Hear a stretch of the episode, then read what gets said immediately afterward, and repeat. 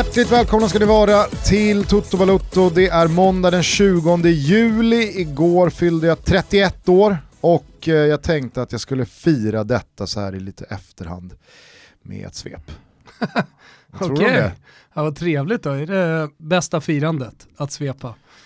Kanske inte bästa, men det är väl ett firande så gott som något. 31 är, det är en ålder eh, som man kanske inte firar sådär jättemycket Nej. i och med att man har firat så stort året innan. Mm. Och alla har kraftsamlat och överraskat och ja, men gjort fantastiska saker. Och så, så blir, kommer liksom 31 och så här, jo vi firade ju förra året. Vi är ju liksom ijackade varandra vad det gäller att liksom fylla jämnt. Ja, Jubileumsfira, jag fyllde ju 40 då förra året så att eh, i år så blir det ju ingenting. Nej. Knappt så att någon säger grattis på födelsedagen. Nej, knappt så att du och vill ha ett grattis. Nej, så Men eh, vad, vad, tycker du om 31 som fotbollsålder? Ja, men... det, är väl första, det är väl första åldern, alltså första året då man börjar liksom se slutet. Man börjar rynka upp pannan, ha kanske ett kontrakt till. Men det är det som är så jävla intressant, för att det, vissa fotbollsspelare blir ju som bäst när de är, man brukar prata om 28 och 27 och precis där innan 30-strecket att man är i sin prime. Mm mycket tycker jag liksom att 30, 31, 32, 33 är liksom de åren. Förstår du vad jag menar? Att då, då har du verkligen samlat på dig all erfarenhet från karriären, så är du bara i fysiskt bra skick, Även att det då kan, det, det, det blir prime-åren. Eh, det är ju lätt att titta på en 31-åring, alltså bara på åldern och känna att nu är det över. Mm. Nu, nu, nu ska den här spelaren bara försöka kräma ut det sista. Ja, nej, men jag vet ju hur man själv tänkte för 5-6 år sedan, alltså när man var 25, att ja, men, alltså, 31, då, då börjar det ju gå ut för. Nu, nu börjar man se slutet. Det, väl, liksom. det, det gör det säkert, jag menar bara att nu idag, så som jag känner mig, jag är inte så att man känner sig gammal. Nej. Alltså 31, jag känner mig fortfarande jävligt ung. Ah, du är i den åldern och i, alltså, rent mentalt är du i att det är konstigt att dina årsbarn, alltså det, alla 89 år nu är på väg att bli gamla fotbollsspelare som det håller på att gå ut för. Ja, exakt. Albin Ekdal, där ja. har du ett exempel som jag är inne på då, här, alltså hans kommande två, tre år kommer ju vara fantastiska. Ja, medan Bara jag är ju liksom kring Albin i tanken att snart ska det ta fart. Va? Håll koll på den här. Jag fattar precis. Han kommer, han kommer bli något stort. En av Sveriges mest intressanta spelare just nu. Ja. Medan jag då har kommit så långt att jag tycker att han är en av Sveriges mest intressanta spelare. Just för att han är 31 och att han har kanske då de bästa åren framför sig. Ja. ja, jag får väl ta fasta på det då, att jag också har de bästa åren framför mig. På tal om åldrar bara, eh, det, det jag noterade här i veckan, jag, jag var nere i mina föräldrars garage här för eh, någon vecka sedan i, i och med att vi skulle flytta ut till vårt landställe. Eh, och då hittade jag Expressens samlade eh, texter inför, under och efter VM 94. Paketerade i liksom en snygg A5, är det det? Är A5 större A3. än A4? A3-bok. Eh, så jag har fotat av den lite och tänkte att jag skulle göra en liten följetong här på Twitter. Vad roligt. Eh, men jag har så jävla kass mottagning eh, på mitt nya landställe så jag får inte ens ut en bild på Twitter. Eh, men jag, jag, jag, kanske kan eh, få ut eh, några av de här bilderna när, när jag har lite bättre mottagning men. senare i veckan. Det är, alla, det är i alla fall jag skulle komma till med den här boken var då att då inledningsvis så är det då bara plain fakta om truppen. Bortsett Thomas Ravelli finns det en spelare vars ålder börjar med en trea och då är den spelaren alltså 30.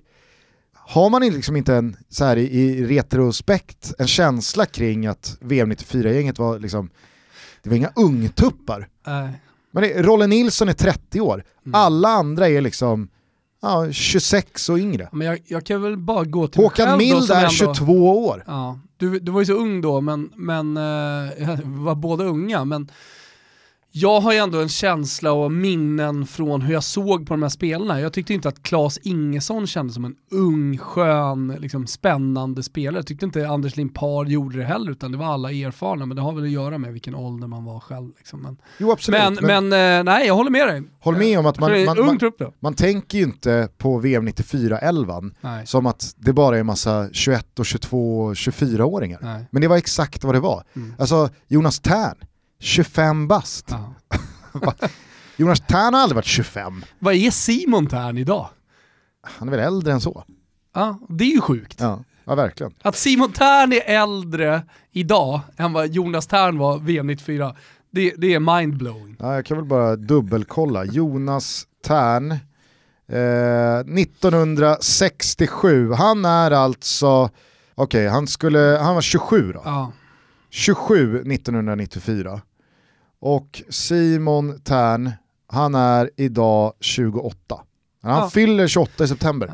Mindblowing. Mm. Mindblowing är vad det är. Är det här någonting som, som eh, familjen eh, Dalin Karlsson har samlat? Mm. Eller har ni Nej. köpt liksom ett... Det är en, alltså så här, Expressen har paketerat en stor A3-bok om 94. Alltså de sålde liksom i något läge?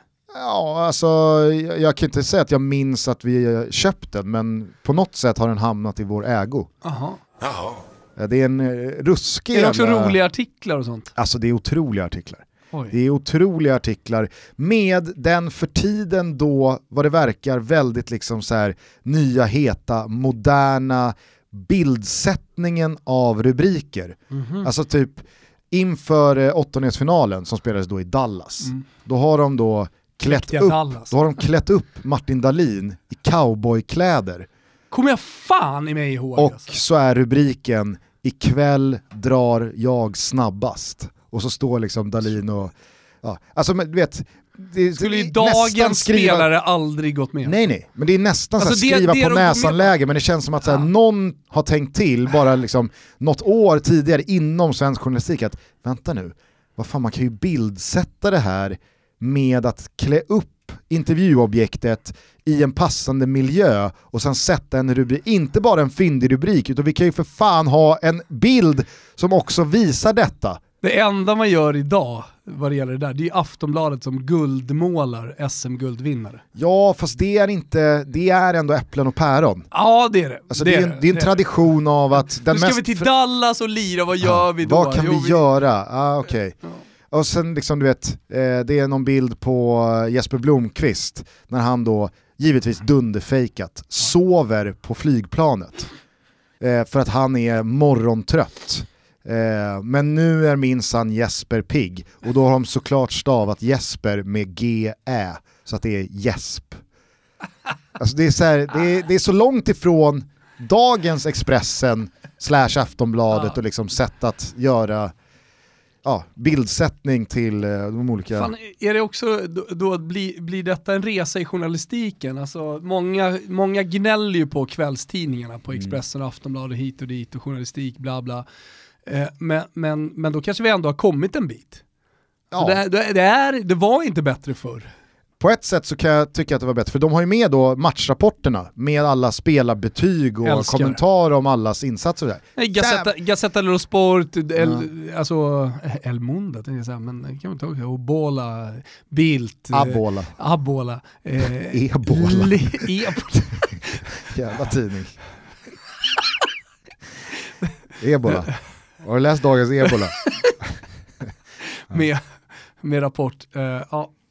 Hur som helst, eh, nej, det, saknar jag i svensk, eh, svenska tidningar. Ja, det jag skulle säga i alla fall var extremt tuffare betyg, mm. matchbetyg. Patrik Andersson, överstruken geting får han efter eh, premiären mot Kamerun. Då har vi spelat 2-2. Ja. Alltså, vad skulle krävas idag för att Expressen eller Aftonbladet skulle dela ut eh, överstruken geting? Rött kort definitivt alltså, orsakat, orsakat straff, eh, alltså överstruken det är ett statement liksom. Exakt, och det sker... Det alltså, spela aldrig mer fotboll typ. Ja men det är det jag menar, och det känns så jävla långt bort i dagens, i dagens betygssättning. Ja. Idag skulle liksom ingen, ingen skulle riktigt våga Okej okay, om vi torskar liksom med 6-0 och det är en, mm. en utskåpning och som du säger, någon tar rött kort och orsakar två straffar.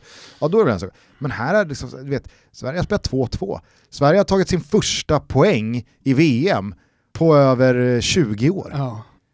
Så att det är liksom så här, övertrycker geting på bjärret. Ja. Det är helt otroligt. Ja. Eh, och sen någonting, jag vet, att, jag vet att du har pratat om det här som en liksom, följetong i då din kamp för Anders Limpar in i elvan, Klabbe där. Mm.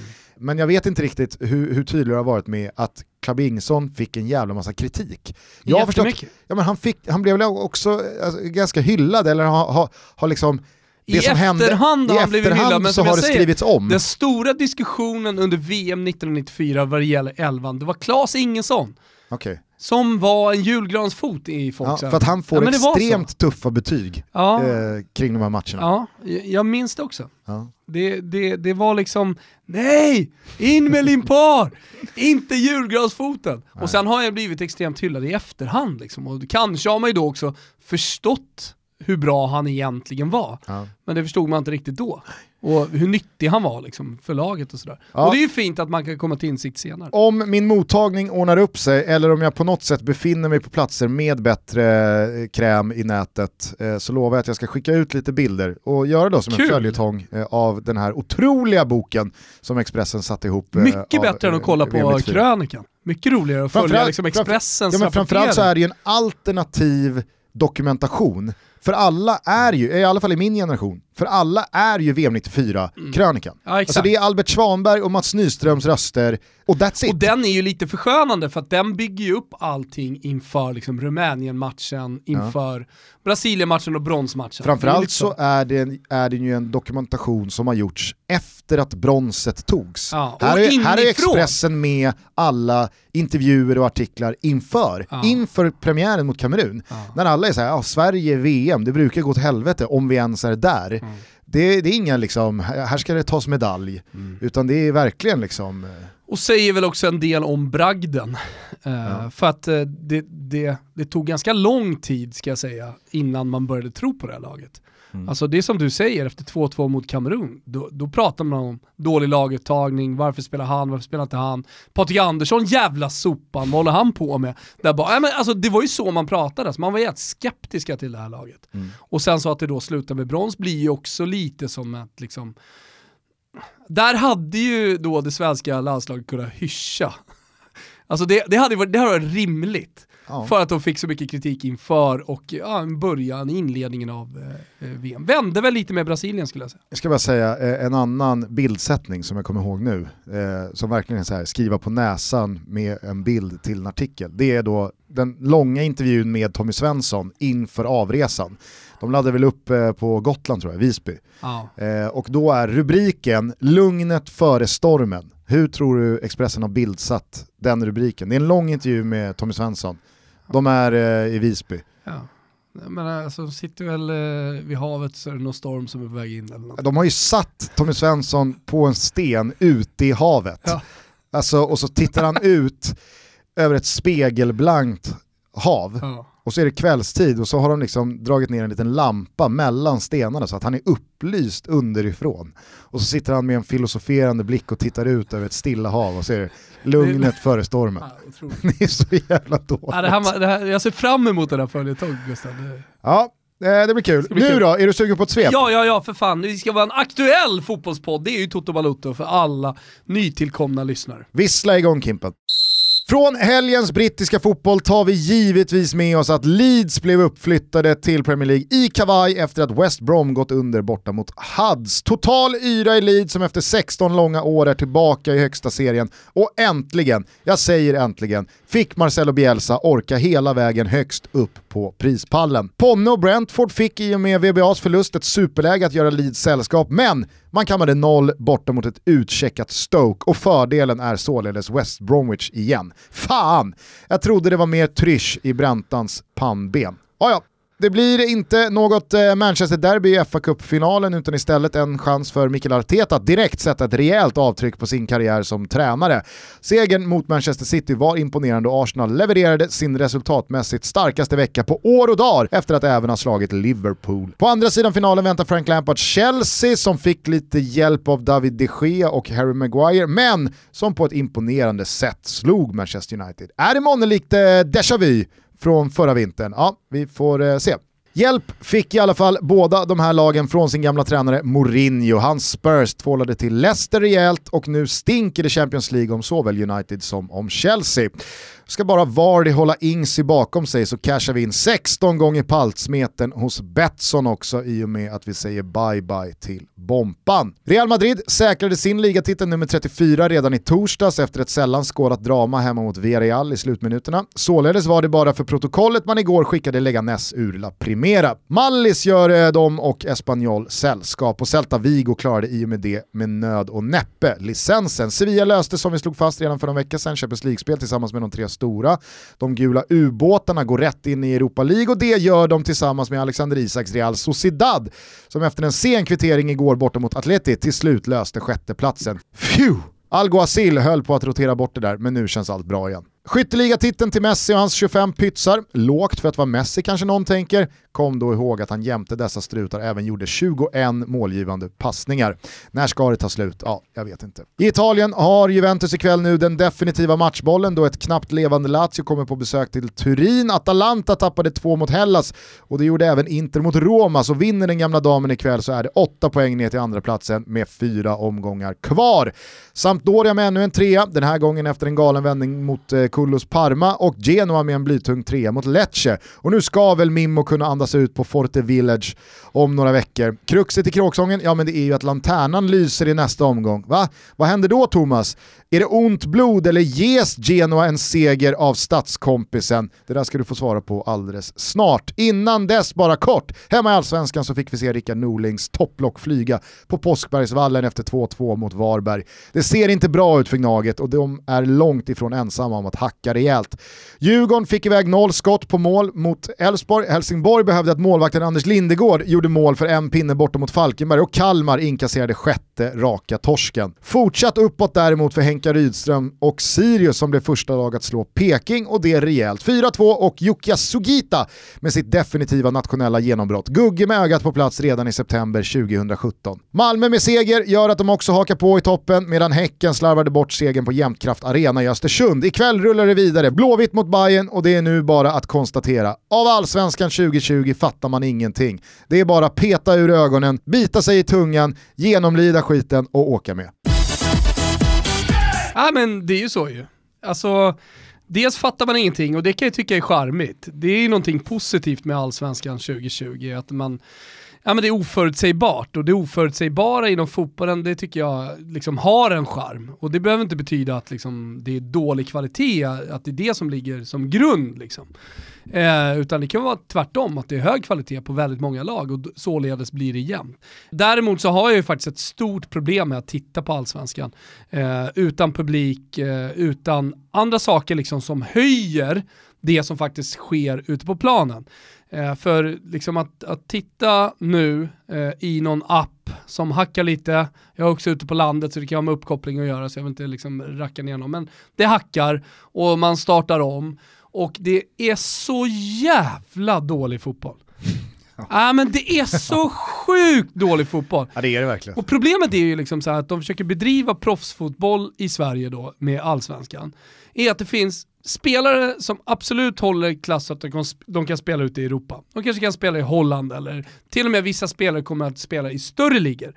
Men lägsta nivån är så dålig. Så att har man då ett sätt att spela på, oavsett om det är Norlings man-man och liksom höga press eller om det är Jon Dahl Tomassons eh, mer liksom klassiska variant av fotbollstaktik. Täva boll. Dig bollen! Du tar bollen och sen kommer du in och får en kram.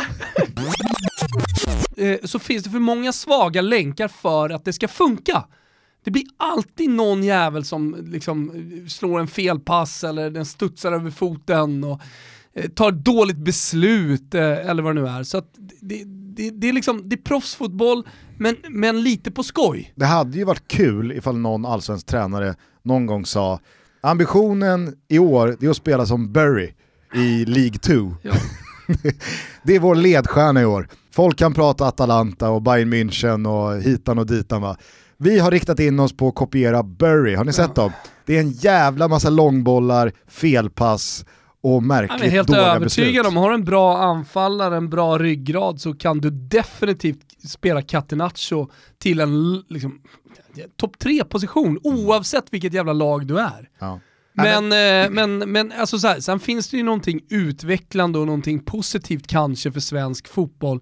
Att Poja kommer upp och ska spela fotboll och att Norling har hittat ett nytt sätt, eh, eller tvingad eller vad det nu, varför han spelar vet jag inte, men, men att AIK spelar som de gör och att Billborn kommer upp från att liksom ha haft Eh, de bästa sjumannalagen, de bästa, även de nio manna fanns, men de bästa U-lagen i, i BP där man verkligen lirade fotboll för det var utveckling. Och så kommer han upp och så ska han liksom implementera det på, på ett proffslag där egentligen bara resultat eh, spelar någon roll. Det, det, det, det, är nog bra i något läge, framförallt så är det nog bra för de unga spelarna för då kan vi liksom slussa upp eh, våra yngre talanger upp i A-lagsfotbollen och det är utvecklande. Kanske är det det som allsvenskan ska vara, den ska vara utvecklande för de unga spelarna och därför är det bra. Men kvalitetsmässigt, alltså, det, det är ju fortfarande resultat. Du måste ju kunna göra betydligt bättre ifrån dig som tränare om du bara vill ha resultat än vad som sker just nu. Liksom. Mm. Eh, men, eh, men återigen, det som, det, som, det som har fastnat hos mig och det som stör mig och det som gör att jag inte kommer kunna kolla speciellt mycket allsvenska framöver via eh, de här apparna, Eh, nu låter jag som en riktig gubbe när jag säger de här apparna, men ja. jag gör det lite medvetet. Det, det, kommer inte, alltså jag måste vänta på att jag får dricka bärs och gå på fotboll igen. Det, det bara är så. Och där är allsvenskan toppklass. Pre-game, postgame. Jag, jag la ut en bild från Leeds när du, jag och ett gäng eh, svenskar var på plats på Ellen Road och innan matchen var vi på Peacock, Old Peacock och allt det där. Och det var fantastiskt. Alltså där är ju allsvenskan fantastisk. Oavsett vilket jävla lag du håller på så har du bra pre-game, post-game och du har jävla trevligt på läktaren.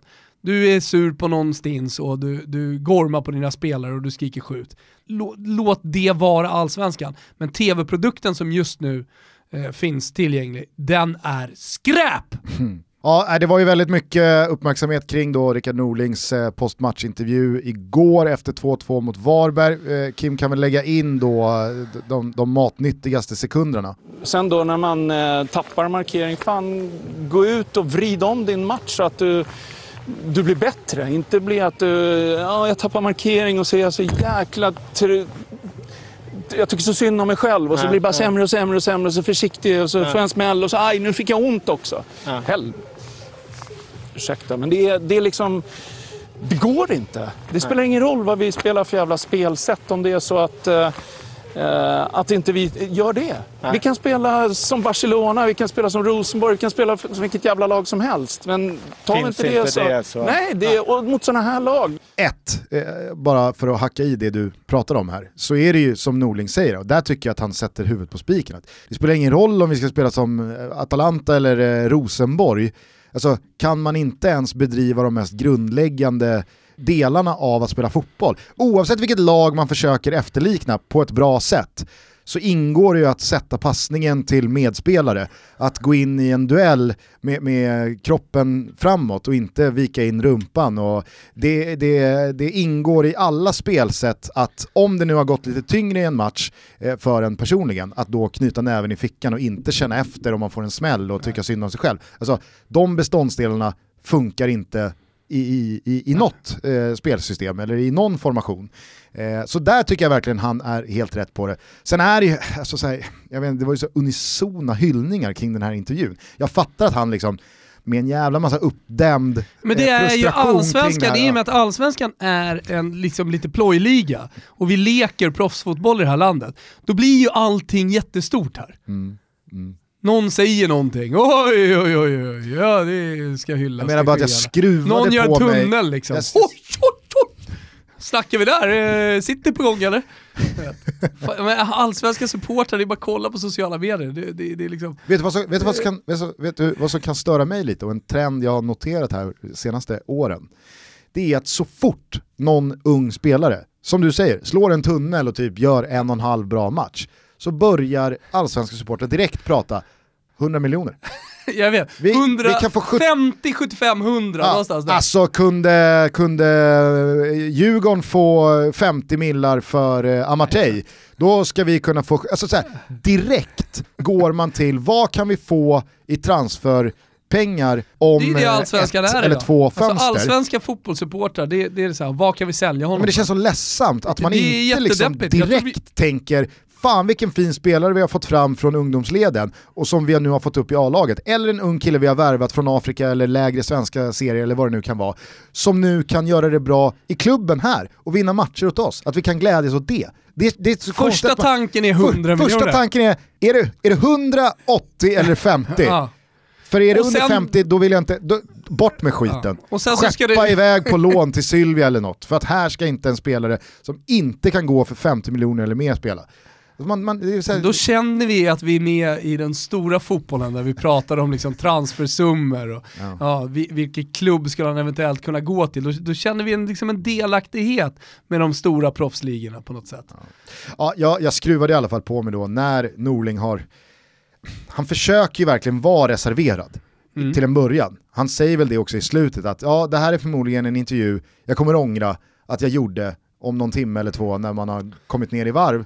Men nu är det som det är och nu har jag sagt det det är och Camilla säger det är härligt med känslor. Ja, det, det, det vill inte Norling direkt tillstå. Nej, det vill Eh, men när han har kommit igång där ett tag och liksom bara pyser ur sin frustration och han säger mer och mer och mer och han försöker typ lägga band på sig själv men det går inte.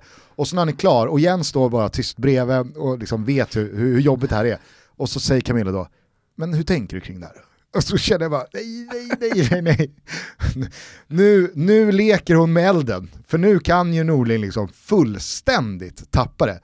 Vadå jag tänker kring det? Jag såg bara framför mig, vart ska det här ta vägen nu? Ja, det, var, det var speciellt, men jag tycker verkligen att liksom, alltså, fem plus eller eh, en axelryckning, jag, jag behöver inte sätta något betyg på själva intervjun. Jag tyckte i alla fall bara den satte fingret på ett bra sätt att kvalitativt, som du också är inne på, så vad är det här? Ja. Ska, ska vi skylla på eh, coronan och ska vi skylla på eh, tomma läktare?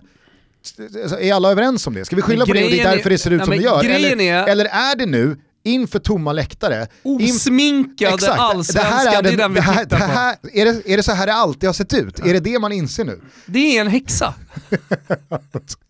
Men med, med, osminkade med sanningen. sminket så är allsvenskan fantastisk. Ja, ja men jag vet inte, det är, väl- det är väl det man får landa i. Ja. Man fattar ingenting av den här allsvenskan rent sportsligt efter, har vi spelat åtta omgångar. Ja. Men det enda jag verkligen har kommit till insikt i, det är att det är så här det är. Ja. Det, det, är liksom, det, är det, här, det är det här det är. Sen, väl sen så liksom kan vi peka ro, på... Råa fotbollen, det är, det är exakt vad det är. Sen kan vi peka på ett aningen tuffare eh, spelschema gentemot eh, vanliga säsonger, absolut. Well. Men det är fortfarande liksom, det är fortfarande, det är också något fortfarande roligt. fotbollsspelare som har 100, 150, 200 brak i månaden som ska spela match var fjärde Jo, det är dag. också- jo, Så måste- jävla liksom, Nej, det är tuffare det förutsättningar har man Nej, hört talas nej, om. Alltså, ja, ja, ja, definitivt. Sen så är det nya förutsättningar, det är många av de här spelarna som inte har spelat var fjärde dag och det tar på dem. Men det är också en rolig grej tycker jag med kommentarerna kring de här första omgångarna. Jag menar i Europa så pratar man ju om rotationer hela tiden, och tufft spelschema påverkar resultaten eh, och du måste rotera för, eh, du måste hitta ett sätt att rotera på. Det är också en skicklighet hos tränare att liksom lyckas rotera på rätt sätt. Eh, och det handlar jävligt mycket om vilken typ av trupp du har för att eh, du ska få liksom, rätt effekt på rotationen. Det kan vara liksom, individuellt vilka som behöver, alltså i vissa lag behöver du inte rotera kanske speciellt mycket för du har en viss typ av karaktärer på spelaren. Men, men det, det jag skulle säga är att det, det, det är också roligt att läsa kommentarer då. För att i, i allsvenskan så har vi inte varit med riktigt om det här tidigare. Att man spelar var, var fjärde dag, att man faktiskt behöver rotera. Och då är det några lag som har lyckats då genom att inte rotera och ändå, ja men så här, fan det, det ser bra ut. Det kommer ju såklart förmodligen då slå tillbaka kanske, men det kommer ju, kommer ju behöva roteras någon gång. Det kanske, eller så är det bara så att de har valt att rotera lite senare. Att kliva på järnet här nu i början och sen så kommer rotationerna. Jag menar att Hallenius kommer in till eh, IFK Norrköping, det är ingen slump. Alltså där behöver ju Totte Nyman roteras till exempel. Såg man ju Så lite här i de här två som- senaste matcherna. Alltså, Ja. redan, redan mot Örebro så började man känna, ja, de kanske inte kan trumma vidare Nej. hur länge som helst med Nej. samma elva. Och Ja, men det kommer så behöva mot. Sirius igår, det var ju det var ett lag på banan. typ. Ja men då är, då är då den allsvenska supportens kommentar. Men hallå, lite det du sa tidigare. De tjänar ju 150-200 000 brak i månaden. Hur jävla jobbigt är det att spela fotboll var fjärde dag? Det är inget jobbigt.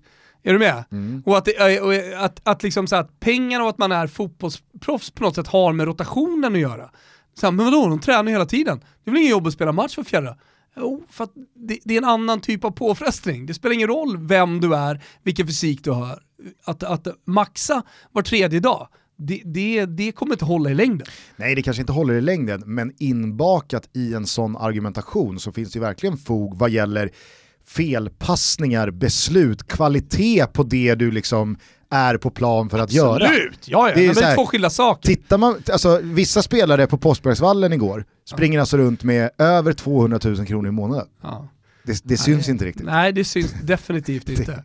Nej, och det, det, är klart, det är klart att man kan väga in wow. en sån del i, i det hela och framförallt när det handlar om att liksom vika ner sig. Och vika ner sig mentalt eller fysiskt. Det, Mm. det, det, det, det stämmer ju direkt. Men det är ändå roligt att man nu då 2020 eh, i, liksom, som allsvensk supporter börjar bör, bör, bör förstå det här med att man kan faktiskt spela var fjärde dag och att det måste roteras. Och att då gemene mans åsikt är att det ska fan inte roteras för det här är fotbollsproffs.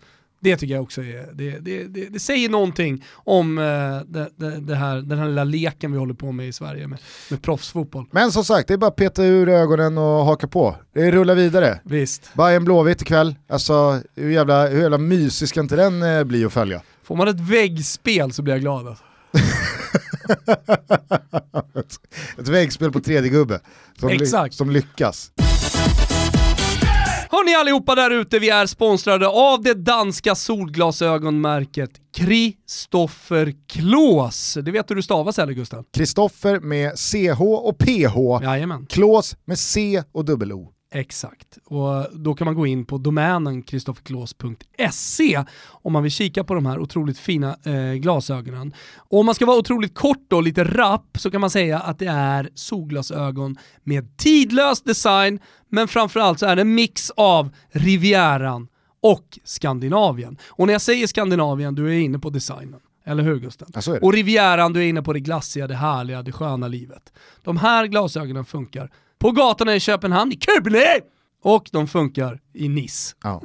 Det är det som är så fint. Ja, Jag har ju själv sagt att eh, det, är- det är inte mycket jag håller danskarna högt för, men eh, krim och solbriller, Mm. det är, det är otvivelaktigt så att där är de i topp. Ja, det är de eh, sannoliken. De har flera olika modeller, alla med namn efter kända platser som till exempel Mala efter den franska drömstranden Plage Mala. Glöm heller inte Blue Light-glasögonen som är på väg att bli jävligt populära. Det här känner ni till numera. Det tar alltså bort det blåa skenet från skärmar och datorer och så slipper man få ont i huvudet och bli trött och sådär. Låter ju fantastiskt. Ja, det är fantastiskt. Koden TOTO, T-U-T-T-O, ger er exklusivt 20% på de här kvalitetsglasögonen. Kristofferklås.se är adressen, Toto är koden. Vi säger stort tack till Kristoffer Klås för att ni är med och möjliggör Toto Balotto. Mange tack! Hörru du, eh, jag tog upp lite grejer här i eh, svepet som jag tänkte att eh, du skulle få studsa på. Eh, ska vi ta det i kronologisk ordning? Eh, ja. Leeds klara för Premier League Wow. efter 16 långa år, Bielsa vid rodret, eh, firad, hyllad i stan. I don't speak English. Only say thank you, thank you, thank you, thank you, thank you. You are God. We love you! We love you! Vad gjorde det här med dig? Det var ju väldigt eh, mycket av en explosion på Twitter Mm. av liksom att, ja men inte bara Olof Lund-figurerna som har tragglat på och hållit på Leeds. Eh, Phil Hay. Fan vad han har tragglat alltså. Lokaljournalist Ja. i, i, i, i Leeds. Utan, alltså så här, inklusive mig själv, var vi ju många som tror jag ändå kände för första gången på jättelänge, alltså, det har ju gått upp många klassiska lag från Championship till Premier League senaste 16 åren. Men vissa och många av dem har ju varit lag som har varit där kanske tre år tidigare och så har de gjort några år i Championship och nu är de tillbaka och bla bla bla. Men det har inte funnits den här liksom, det var ändå eh, stora mäktiga Leeds som var i Champions League-semifinal 2001 och med all skit som följde och så många försök de har gjort och de har ramlat på målsnöret här mot slutet. Och, jag tror att många kände så här, fan, fan vad kul ändå att Leeds är tillbaks. Mm, nej men det tror jag och det, det är nog också generellt i fotbollsvärlden att man vill ha de stora klubbarna med ett stort supporterfölje i de högsta ligorna. Så att det, det, det, tror jag nog. Och för, för, för din och min del så har ju vi ingen direkt relation eller aldrig haft någon direkt relation till Leeds. Bryr mig inte speciellt mycket men vi var ju där på den här resan och hade jävligt kul och vi är kompisar med Ponne och han vill att Leeds ska gå upp och sådär. Så känner vi Olof Lund och så Palle då, gamla Glagan som eh, var min chef en gång i tiden som också är Leeds-supporter. Så, så Micke Hjelmberg allting- är chefscout i eh, Hammarby, min Mm. gamla tränare i Spånga. Han har ju Leeds klubbemblem gaddat på vaden. Det har han ja. Mm. Svanen har ju gnaget på vaden. Är han också från Solna, Hjelmberg? Nej, Nej. Eh, han är från Spånga. Ja, okay. Jo, eh, Bielsa då? Va, vad känner du där? Känner du som jag att, fan vad kul för en sån ikonisk tränare att, att, att, att alltså, ta det hela mycket. vägen? Ja. Jag menar Bilbao, då var det liksom Europa League-final och det var, alltså man slog Manchester United och man ja, gjorde men det, det, det jag tycker är intressant och det jag tycker också är på något sätt då kanske roligt men framförallt intressant, det är ju att han med den fotbollsfilosofin han har, vi har ju boken stående här ute som Backa har skrivit om hans fotbollsfilosofi, rotationes, alltså det är en enorm frenesi liksom i, i hela hans spel och man pressar högt och det löps fan hela jävla tiden kors och tvärs där ute på planen. Och att han lyckas implementera det och bli vinnande i en serie som Championship. Det tycker jag, ja, men det tycker jag, det tycker jag är jävligt intressant för att det säger någonting om var fotbollen är på väg. Det är en sak att Premier League har blivit det den har blivit idag. Eh, men att, eh, liksom, att det har spilt ner på Championship också. Eh, det, det, det, säger väl någonting om liksom den moderna fotbollen och då pratar jag inte om de dåliga delarna av den moderna fotbollen men, men att eh, det, det är väl jävligt hög nivå kanske då i, i Championship. Mycket högre nivå än man tänker sig. Framförallt så är det ju imponerande med tanke då på att de inte har öppnat någon superplånbok och köpt in massa kvalitetsspelare som egentligen håller eh, övre halvan i Premier League snitt utan Bielsa har mer eller mindre fått jobba med den trupp han tog över och sen så har man värvat smart och man har värvat billigt och det har inte alls varit namnkunnigt på speciellt många positioner. Nej. Och så har han fått sådana spelare att prestera en fotboll mm. som är jävligt vägvinnande. Men då undrar jag bara, för att då länka samman med allsvenskan, om vi nu är överens om att Championship är en högre nivå än allsvenskan, det kanske det är, och det är, det är väl fullt rimligt att det är det, alltså på alla sätt och vis. Men tror du då att Bielsa hade kunnat ta vilket allsvenskt lag som helst och på två år alltså med sin då yrkesskicklighet och sitt fotbollskunnande som förmodligen är på en mycket högre nivå än de allsvenska tränarna också. Alltså att göra resultat med, vad ska vi ta som exempel? Ta eh, Helsingborg då. Nej, det tror jag inte. Eh, för att spelarna är för dåliga. Alltså, de kommer aldrig lyckas i hans, eh, alltså, hans, hans sätt att spela fotboll på kräver alldeles för mycket och, och materialet är för dåligt. Så jag tror, jag tror, jag tror att det hade blivit pannkaka. Mm. Och, eh, då skulle man ju prata om att han skulle ta ett 16-årslag och liksom sen ja, jobba med dem i fyra år och utveckla dem. Så att man redan tidigt sätter liksom, eh, eh, hans filosofi, liksom, hur man spelar fotboll. Eh, och, och sen liksom ta över något slags A-lag tillsammans med stommen från ett sånt lag. Jag har ingen aning. Nu spekulerar jag bara liksom helt fritt, tänker högt. Eh, men eh, jag, jag, jag, tror faktiskt inte det. det, det allsvenskan, eh, det är väl Championship också, men det är det jag tycker, är, det, är det jag tycker är, är det mest spännande. Att liksom en, en fotbollsfilosof som eh, Bielsa lyckas i då sparka springligan, för den har ändå, även om Premier League har ändrats så har Championship, du som har sett mycket, fortfarande ändå varit rätt mycket sparka spring sent in på 20... Eh, 20 det är fortfarande väldigt mycket så. Eh, många lag, jag, jag satt och kollade på Brentford mot Stoke där. Alltså Stoke är ett bra exempel på ett sånt lag som bara brunkar, skicka långt. Eh, Medan Brentford då är ett exempel på ett lag som likt Leeds då försöker att spela fotboll men det lyckas, de lyckas inte alltid för att eh, förmågan finns inte riktigt där hos alla spelare. Nej, och, de och det är väl det inte... som gör att jag eh, känner att eh, men det kanske inte skulle funka med, med Helsingborg heller. Nej. Men, men, eh, men, men, men att han lyckas spela fotboll och en jävligt speciell form av fotboll i Championship av alla ligor. Det, det är mäktigt. Ja, eh, Brentford torskade som sagt mot eh, Stoke med vetskapen då om att en seger ger oss en otrolig eh, fördel inför sista omgången och chansen då på direktuppflyttning. Hur följde du matchen ja, men... alltså känslomässigt? Det, det måste varit måste vara tungt att se de sista minuterna där. När, ja, men när dels har vi svenskt på bänken. Ja. Ja. Och sen så, ja, Georgsson. Och sen så har vi Ponne i laget och vi, vi vill ju verkligen Ponne väl. Lagkapten.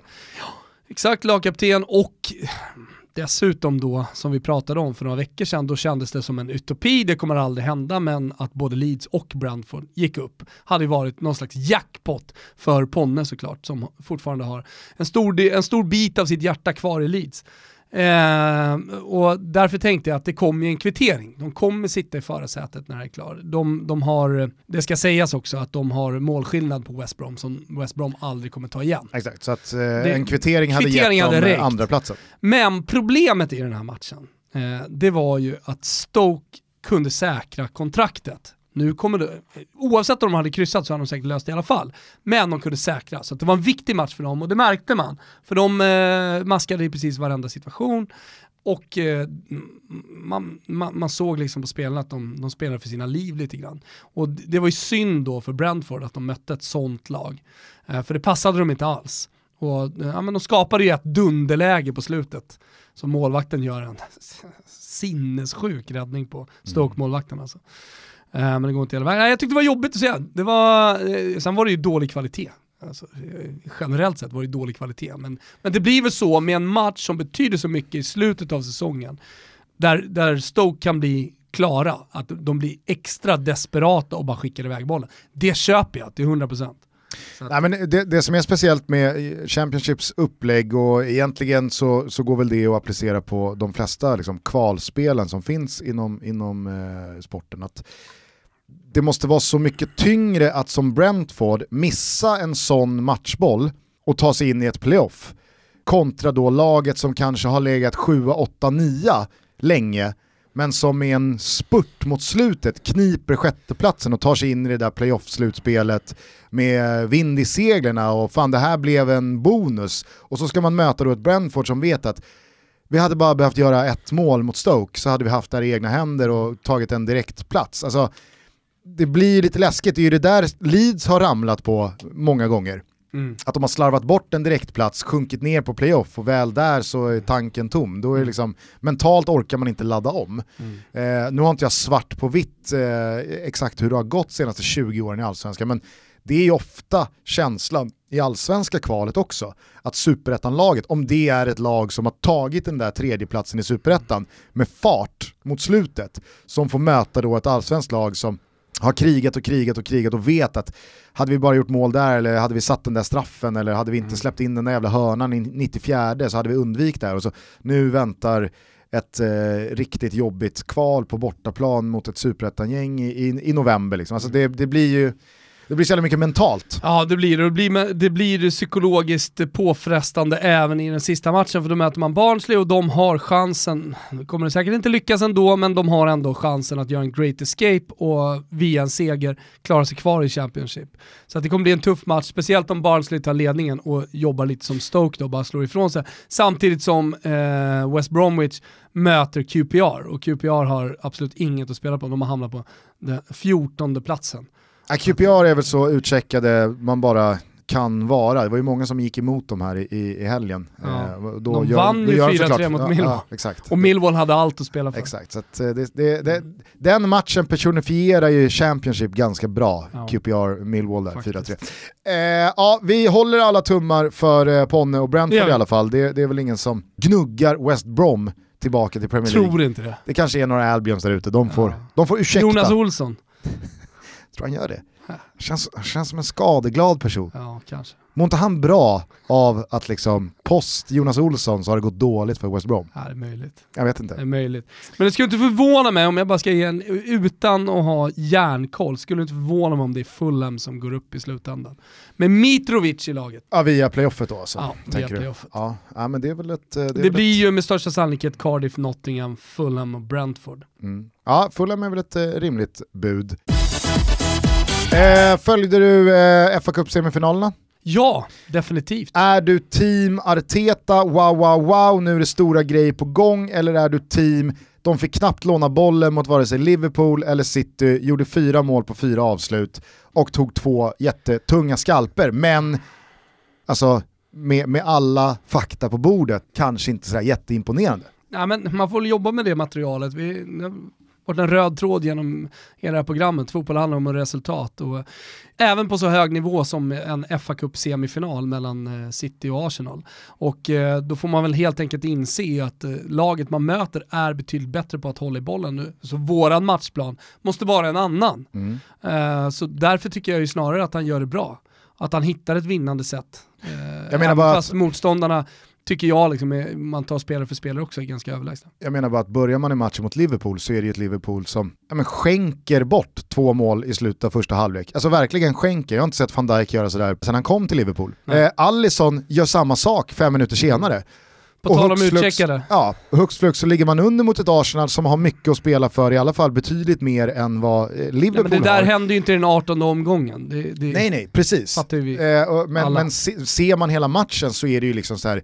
Alltså Arsenal är ju knappt över halva plan eh, på 90 minuter. Ändå tar man tre poäng mot Liverpool, mästarna och så vidare. Så att resultatmässigt är det ju en jävla fjäder i hatten. Och adderar man det till att Arteta slår ut Pep Guardiolas City i en fa Cup semifinal eh, en titel som de såklart vill ta när de inte kan vinna Verkligen. ligan och när det är ett par veckor kvar till Champions Mm. League-omstarten. Så att jag menar, det, förutsättningarna ska inte tas ifrån Arsenal.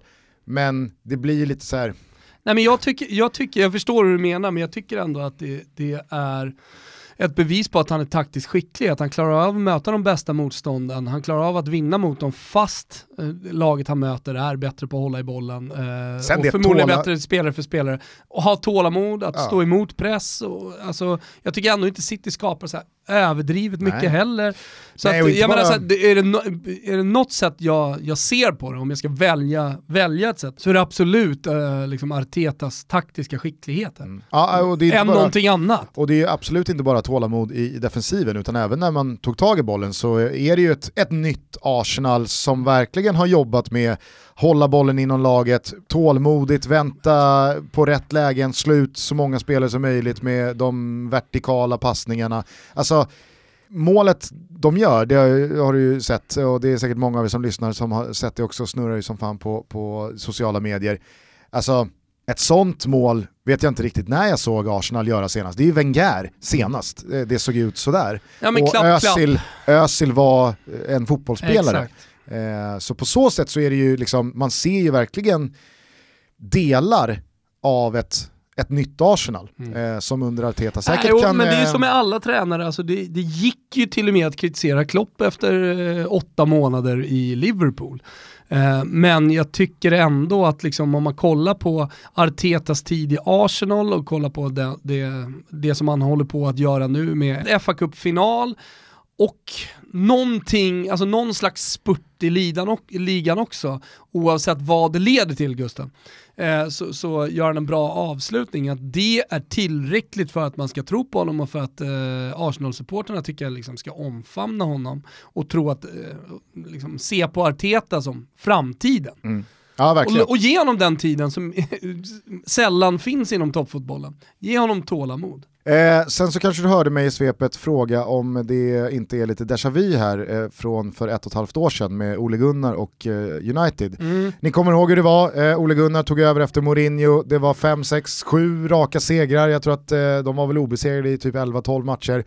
Slog på något jävla sätt ut PSG ur Champions League, men sen så började eh, resultaten eh, hacka betänkligt. Nu efter coronan så har man alltså, eh, nu ska vi se så att jag eh, inte säger fel, man har sex segrar och två oavgjorda matcher fram till då den här semifinalen mot Chelsea. Men då har man alltså mött Tottenham borta, Sheffield United, Norwich, Brighton, Bournemouth, Villa, Southampton, Crystal Palace.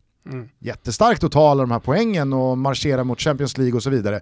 Men har man kanske återigen ramlat in i den där fällan kring eh, Ole Gunnars Manchester United. För jag tyckte man blev ganska rejält avklädda mot Chelsea, som ändå är en motståndare på en nivå man kanske inte riktigt har mött än här efter coronauppehållet. Nej, nej, jag håller med. Och sen så var det väl definitivt de Geas liksom, det går inte längre. Man måste väl inse, även fast det är snordyrt, han, skri, han, han skrev väl ett nytt kontrakt här ganska nyligen, Mm. att nej, ta, tillbaka, ta din Henderson och sen så tackar vi de Gea tror det. innan det kostar för mycket. Jag tror det.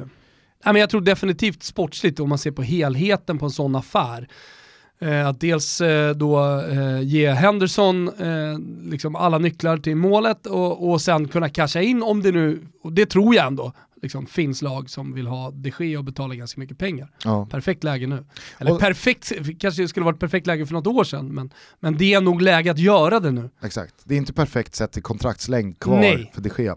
Hur som, jag vill bara förtydliga där att jag säger inte att United är en bluff, jag säger bara att det är lite déjà vu Mm. från för ett och ett halvt Ja, år sedan. Eh, vi fortsätter jag hade några frågor eh, till dig. När ska det ta slut för Messi? 25 plus 21 i ligaspelet. Inte nästa år i alla fall. Inte året efter det heller. Nej, alltså VM Qatar 2022, där är han ju definitivt med. Vad Mm. har vi mer? Eh, jag tänker på så här, ja, men han vill väl vinna en Champions League, det kommer ligga och gnaga i honom. Mm. Där har han chansen i år. Nu, eh, här- nu ska han ju tydligen ha suttit ner här med Setien och, och sportsliga ledningen och blivit lovad en rejäl satsning eh, mot Ja, men de har eh, ju fucking rejäl- herrars. Men de har ju rejält satsat. Det är inte så att de eh, har legat på latsidan på värvningsfronten heller. De har ju köpt in spelare bara det att eh, man inte har fått utväxling Nej, de från har spelare knappt har satt en värvning på två år. Nej, men vad är det då man ska lova? Alltså, ja men nu ska vi sätta det Messi. Nu har vi en spelare på gång här. Ja men det är typ Mbappé då, Mm. Jag vet inte. Ja. Kolla här Messi, vi har satt Pjanic. Har. Miralem Pjanic är klar. Och hur gammal är Pjanic? Fan är han 31? 31 alltså. Ja, visst. Jag har ingen aning, men jag säger att han är 31. Ja, Eller men- ingen aning, jag, jag, det, det är stalltipp. Han, bo, han borde vara 31, han känns som 31. Mm, nej men uh, Pjanic är väl ändå för guds skull. Ah, han fyller 31 i april. Ja, du ser.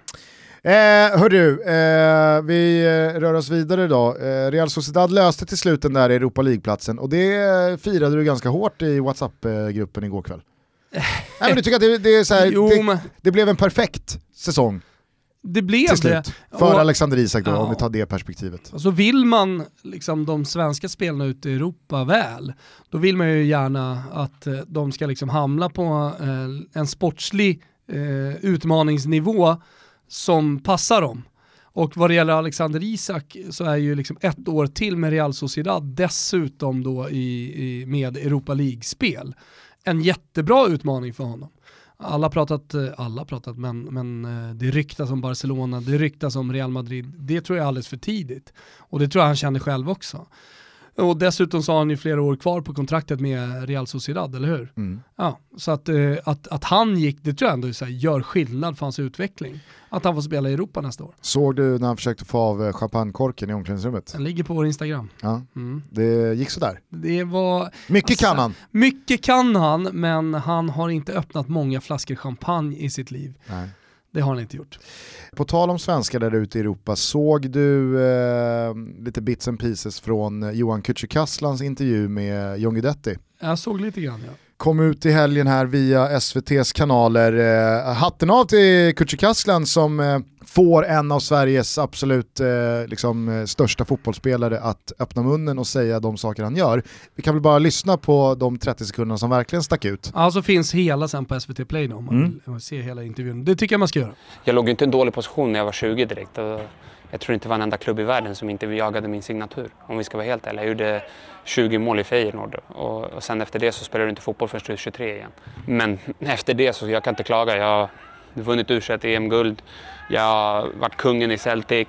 Jag har varit kungen i Celta Vigo. Älskad av båda ställena. Jag har spelat Europa League semifinal. Jag har spelat eh, Copa del Rey semifinaler. Jag har gjort mål mot Barca, Real, Valencia, Atletico Madrid. Alltså, jag har ändå lyckats hyfsat bra efter det. Hur viktigt är det för dig att ha det här självförtroendet? Det är inte självförtroende, det är fakta om man ska vara ärlig. Det- Jag berättar ju bara det som har hänt. Det, liksom, det, det, det, Va, vad säger du om just det, den här passagen? Sitter du och nickar med och känner, Nej, Ja. det gör jag ju inte. Du vet att jag inte gör. Det går ju, alltså så här, det han, det han håller på med är någon slags egen historieskrivning. var han kung i Celtic? Nej, det Minst- var han inte. Minns du John Guidetti som kingen i Celtic? Nej, det gör jag inte. Nej, Nej inte jag heller. Alltså jag, Henrik jag Larsson var ju exakt. kung i Celtic. Alltså det, det vill jag ändå nivå. tillstå. Det var samma nivå. Eh, nej, det var han inte. Sen var han ju väldigt omtyckt i Celta. Och han var väl omtyckt när han kom till Alaves också. Du kommer ihåg bilderna när han stod och kickade och supporterna hade kommit i hundratals till hans presentation. Så Hade som man fått gör i fart den här Spanien. låten Liksom. då också. Just det, hade fått fart och eh, fortfarande så var det ju många i Sverige liksom som såg en stor framtid för honom. Eh, lite som man ser på Alexander Isak, även om han är yngre nu, men ändå som Real Sociedad som en perfekt utvecklingssteg eh, liksom i karriären mot att gå till en toppklubb så tror jag ändå att det var många som kände att, ja ah, men fan, Celta Vigo, bra nivå, kolla hur supporterna älskar honom när han kommer. Och eh, han, gjorde, han gjorde det helt okej. Han, var, han var bra liksom första säsongen och sådär. Han gjorde väl 7-8 mål i ligan och ja, men, Gick bra i Europa League. gick bra i Europa League och, och, och sådär. Eh, sen har det inte gått ri- riktigt lika bra då på slutet. Eh, de senaste tre säsongerna har väl inte varit så här jättebra. Och han har inte fått för, samma förtroende, han har blivit satt på bänken mycket och så var det även i Alaves. Eh, så, så därför tycker jag väl att eh, han, han, han skriver sin egen historia, det är väl inget fel att göra det. Låt han göra det så här. Men, men det går ju också att vända på det där. Mm. Det, går ju, det, det går ju att berätta om John Guidettis senaste 3-4 år på ett annat sätt också. Jag Men det tror jag alla läser, är med på. jag läser Guidettis presens som så här. Jag tror i och med den där petningen för ett år sedan från landslaget inför någon kvalsamling, när det blev ett jävla rabalder, då tror jag att eh, Guidetti fattade att jag är inte untouchable. Eh, Janne är en eh, förbundskapten Han var en som... hård jävel. absolut. Nej men Janne är en förbundskapten som ser till svart på vitt, situationen som råder Mm. och min situation är inte tillräckligt bra för att hålla en plats i landslaget. Eh, Janne har ju varit på plats och haft sina snack med Guidetti, det vet vi och där tror jag Janne sa, ska du med till EM, ska jag kunna motivera en truppplats till dig, då måste du lösa speltid under den här våren. Sagt och gjort, pre-coronan så lämnar då Guidetti på ett utlån, för han måste bara spela fotboll, han måste göra lite mål, han måste liksom han måste göra någonting som inte är att sitta läktad i Alaves. Går till Hannover i Zweite, är inte speciellt bra, sen kommer coronan, ställer in EM-slutspelet. Så jag tror att Guidetti sitter ganska dåligt på det just nu karriärsmässigt. För nu har hela, liksom, nu har hela fotbollseuropa kunnat se att aha, färskt i minnet, svart på vitt, så är John Guidetti inte Celta Vigo 7, 8, 10 mål i ligan och spelar Europa League-semifinaler bra. Han är snarare en anfallare som i ett mittenlag i Zweite Bundesliga Gör lite något mål här, är inblandad i ett mål Ja. Mm. här och där var fjärde, var femte match. I och med då EM-slutspelets förskjutning ett år så kan ju inte Janne liksom, han kan ju inte låta orden från i vintras gälla om ett och ett halvt år. Skulle det här sluta med att Guidetti får komma tillbaka till Alaves, fortsatt läktas och bänkas för att de vill satsa Han på är någon annan. kontrakterad där Exakt. bara för protokollet. Eh, alltså, så här, jag, vet alltså, jag, jag tror att jag kan hamna jävligt snett här alltså. Mm. Eh, och och det, det är ingenting jag önskar eller hoppas. Jag, alltså, jag är den första att vilja se John Guidetti ösa in mål och, och bomba på och ta både klubblag och landslag inte minst till, eh, till framgångar. Eh, men jag tror att han kan ha hamnat jäkligt snett med det här utlånet till Hannover när det gick som det gick och EM sköts upp ett år. För vilken klubb ska titta på de här senaste månaderna och bara ja, honom löser vi nog för en rejäl sudd från Alaves. Ja, men jag tror att det är lätt att vara grund här i, i sin analys och, och att säga, men gå till Feyenoord bara. Tillbaka där allt startade. Där det blev 20 mål och du var älskad av fansen. Där var han ju Där var faktiskt, fan kingen. där var han kingen för säsongen och det var där han blev tronarvingen Ja. på eh, Stureplan. Och Mm. det blev eh, presskonferenser. Är, han den enda svenska spelaren i historien som har kallat till en egen presskonferens?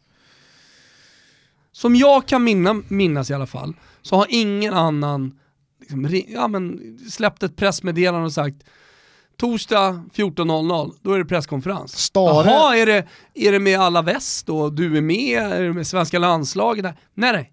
Det här är min presskonferens. Stare kallade till en personlig presskonferens på O'Learys Avenyn när han hade fått gå från Blåvitt. Det var Ja. ändå jävligt mäktigt Ja. alltså. ja men den var ju också så kopplad till det. John det var så kul, presskonferens var ju... Kommer du ihåg det här? För det fanns inget podium utan Stare satt bara vid ett bord och sen så var det liksom en rad av bords mellanrum och sen så satt det en journalist. Ja, det är Stare och alltså. Guidetti då som har haft egna presskonferenser. Men det säger väl också någonting om hur jävla stor han var då. Så på tal om att lyckas. Stare eller? eh, Stare, ja. Nej, men på tal om att lyckas, alltså, han hade ju en fantastisk start på karriären med Feyenoord. Med sen eh, u EM-guldet eh, och där han framförallt blev folkkär. Satt väl i Skavlan till och med, gjorde han inte det? Där? Efter kycklingfadäsen och, och allt. Jo det gjorde han. Kan jag- kan jag tänka mig. tror han hade svart skinnjacka på sig också. Ja. Eh, så, så att han var ju verkligen, han, han, han blev ju folkkär, John Guidetti, med sina intervjuer. Oh, fan, det han gjorde på planen också. Man blir inte King folkkär är i svart skinnjacka. Alltså, då var han ju redan folkkär. Inte ens Måns Zelmerlöw kommer undan i en svart Jag har för skinnjacka. mig att han hade svart skinnjacka i Skavlan. Eh, De får skicka in en bild.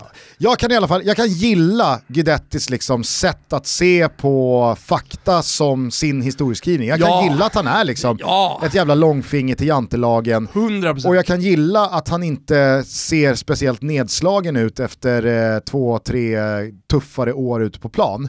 Eh, men jag kan ju också liksom, jag, jag kan också rodna lite när jag, jag hör honom prata om sig själv som kingen fucking överallt. Det bara rasar in guldskor och mål Ja. och, och så, när man vet Nej att... men så är det ju, och ändå så sitter jag här och hoppas att nästa destination, oavsett om det är Alaves eller någon annan klubb, det liksom blir perfect match, handen i handsken. Bra. Där mår John Guidetti bra, där trivs han med tränaren, där är han en nyckelspelare, där bombar han in mål. Det, det hade varit så jävla fint. Ja. Jag pratade bara om det här just karriärsmässigt eh, eh, och med Danne Larsson för någon vecka sedan. Mm. Alltså precis, precis på samma sätt som att en eller två eller tre riktigt bra månader eh, åt rätt håll kan göra underverk för din karriär, så kan ju en vår, ett utlån, ha samma negativa effekt på din karriär. För du, får- alltså, det är ju det som tror jag kännetecknar de flesta svenska Går spelares du ner i långa... nivå, då måste du prestera. Presterar du inte, då får du den negativa. Spelare som har klarat sig länge utomlands har en sak gemensamt. Det är inte att de har varit king någonstans och det har, alltså, det har ramlat in ligatitlar eller sådär, utan det är att de har undvikit riktigt dåliga perioder. Mm. Det är ju det gemensamma och det är det man får göra och jag tror att det här utlånet till Hannover, det kan ha varit förödande. Alltså. Jag hoppas att det inte blev det. Jag tror fortfarande på John Guidetti. Och som han har sagt så många gånger i den här podcasten Gusten, nummer nio spelare de blommar sent. Och vad är John Guidetti? Han är 29, eller hur? Han är 92. Ja, han är 92. Han har sina bästa år framför sig. Han har samlat på sig erfarenheten, hans pannben har blivit så jävla tjockt av alla västtiden och eh, kanske slutet på eh, Celta Vigo. Att han liksom, han har nu allt för att komma till en klubb och bara spruta in mål. Ja. Jag väljer att se på det så. Härligt. Du, eh, Och så får han bli kingen då, på nästa destination. Ja, det, det hoppas vi. Hörru du, eh, kort avslutningsvis bara. Eh, jag hade ju några eh, korta frågor till. Eh, samt Genoa Ja. i nästa omgång. Ja, Samp vill ju skjuta ner Genoa i helvetet. Så är det ju. Så är det. Ja. Det är ont blod. jag vet att det har pratats om det i, i svenska storstäder tidigare som har flera lag. Att det finns en skadeglädje eh, att skjuta ner lag såklart. Men man vill ju ändå ha det där derbyt. Det är ändå en bra match. Sampdoria-supporterna tänker inte så. Utan eh, de vill ju såklart att eh, kusinen från samma stad åker ner i Serie B. Så de kommer göra allt. Men Mimmo och gänget löser det eller? Jag tror att de löser i slutändan. Jag tror att det är Lecce som åker ur. Hörni, eh, det här dramat kan ni följa på Simons kanaler där vi även rekommenderar eh, matchen Juventus-Lazio. Ikväll då, Ronaldo mot Ciro Immobile. det blir ju både ligatitel och skytteligatitel till eh, Turin ikväll, Ja, tror jag. Ja, det tror jag men utöver Serie A-avslutningen så skulle vi faktiskt vilja puffa för en ny dokumentärserie Mm. hos Simor som alltså heter Matchday Inside FC Barcelona. Tittarna får följa med bakom kulisserna hos Barca säsongen 18-19 och följa Messi, Suarez och Piqué och gänget, både i omklädningsrummet men också i eh, privatlivet. Första två avsnitten kommer ut idag. Det tror jag att många vill se, men många känner nog inte till det. Nej. Så kika på det här. Ja, men det är lite så här, eh, all- in, all or nothing, Manchester City, det kommer Coolt. Spurs här nu, Juventus har gjort någon liknande Mm. grej hos Netflix eh, för något år sedan, nu hakar Spanien på, alltså säga vad man vill om sådana här produktioner, det är alltid intressant att vara med bakom kulisserna, för man vet att när några är med och följer ett lag så länge, till slut så tappar ju de medvetandet om att en kamera Exakt. rullar. Det finns ju nakna Det ögonblick. blir en eh, normalitet att kameran alltid är med. Ja. Ja, nej, eh, skaffa ert simor abonnemang följ Serie A-upplösningen, följ Matchday Inside FC Barcelona, följ eh, golfen. Ja, Va? Såg du John Rahm? Vann Nej, igår, nu såg är han inte. ny världsetta. ja. Tion, tionde europe i historien. Okej, han är europé alltså. Han är från Spanien. Ja. Eh, det var väl det hela va? Ja, men det var måndagstoto framförallt med, med reflektioner eh, från den gångna helgen och fotbollen rullar ju på här nu. Nämnde det tidigare, det blir dramatiskt säkerligen i eh, Premier League. Det blir en jävla slut också i Serie A. Eh, så att eh, det, det är fortsatt fotboll, fortsatt allsvenskan, så mycket som händer. Otroligt frustrerande att det inte blev någon poker för oss borta hos Betsson. Giffarna fick inte hål på Norrby, Milan gjorde ju sitt, det bara rasade in mål på studenternas så att eh, vi var ju inte, vi var inte allt för långt borta. Men eh, vi tar nya tag, eh, så att eh, var med oss igen här nu framåt helgen, håll ögon och öron öppna via sociala medier, så ska vi nog påbörja en ny segersvit. Ja, nej, men alltså jag, jag kände starkt för den trippen och alltså, när jag blickar tillbaka så, så tycker jag fortfarande att det var en stark trippel, alltså, som du säger, vi sätter två. Så här. Men eh, så länge, vet du vad man får göra då Gusten? Nej. Då får man gå in och karriärsoptimera på Randstad. Oj. Randstad.se, där karriärsoptimerar man. Du vet ju att nya, nya nyåret, som man pratar i folkmun, det, Ja. är ju, det kommer ju nu i augusti. Exakt. När hösten då ska börja. Så det är perfekt läge när man har lite semester nu i juli, att kika in i alla fall på randstad.se, kolla vad det finns för möjligheter. Man kanske bara ska ta sig en timme i hammocken Exakt. och fnula lite på vad vill jag med mitt arbetsliv. Och så kommer man ligga där i, i hammocken och så är man inne på randstad.se och då kommer det eka i huvudet. Randstad! Randstad! Randstad! Eller hur? Och det är så man firar sin semester på allra bästa sätt. Så är det. Eh, hörni, tack för att ni lyssnar på Toto Balutto. Missa inte vår eh, dotterpodd Never Forget hos Spotify. Eh, där rullar vi på med två avsnitt i veckan och har väldigt roligt tillsammans. Eh, fortsätt också skicka in förslag på avsnitt eh, Mm. dit. Eh, vi finns på totobalutto.gmail.com eller på sociala medier. Eh, brevlådan är öppen. Så är det. Stort tack för att ni har lyssnat allihopa. Fortsätt att sprida vårt gospel, berätta för era vänner och er släkt att vi finns. Nu stämmer vi in allihopa i John Guidetti. Na, na, na, na, na. Ciao tutti! Ciao tutti!